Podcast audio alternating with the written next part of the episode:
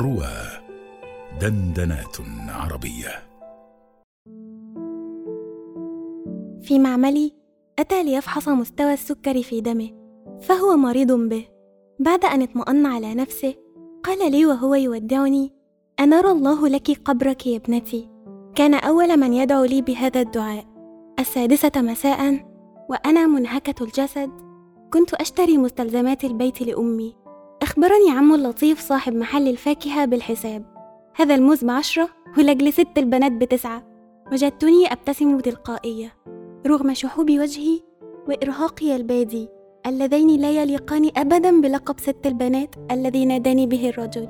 ورغم أنني أعلم أن تسعة هو ثمنه الأصلي لكن في النهاية نحن بشر. تأسرنا الكلمة الحسنة وتطيب خواطرنا اللفتات الطيبة. تلك الفتاة الصغيرة التي باعتني ماء الورد قائلة لي ما حاجة الورد لماء الورد؟ لنقل إن الفتاة صغيرة جدا على هذا التملق. أو ربما هذه طريقتها لجعلي زبونة دائمة لمحل عطارتهم.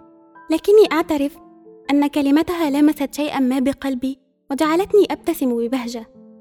في طريق عودتي من الجامعة على الجانب الأيمن من الطريق محل لبيع الألبان. صاحبه رجل مؤمن. تظهر سكينته على وجهه. لا تسمعه إلا مداحا حسن اللفظ. جميل الكلمة. باسم الثغر. أحسن ربع جبنة للأنسة الجميلة. أفضل كيلو لبن لزنت الشباب. وهكذا. لا تشاهد أحدا من رواد المحل عابسا أو ما شابه. الجميع يبتسم لجمال حديث هذا الرجل.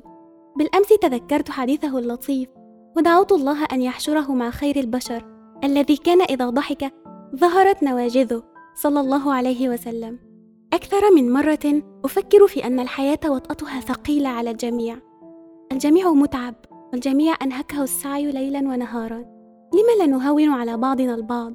أكره تلك النظرة في عيون أولئك المحرومين من رفقة أصحاب القلوب الرقيقة الذين لا يجعلونك تحتاج إلى تسول الحديث الجميل.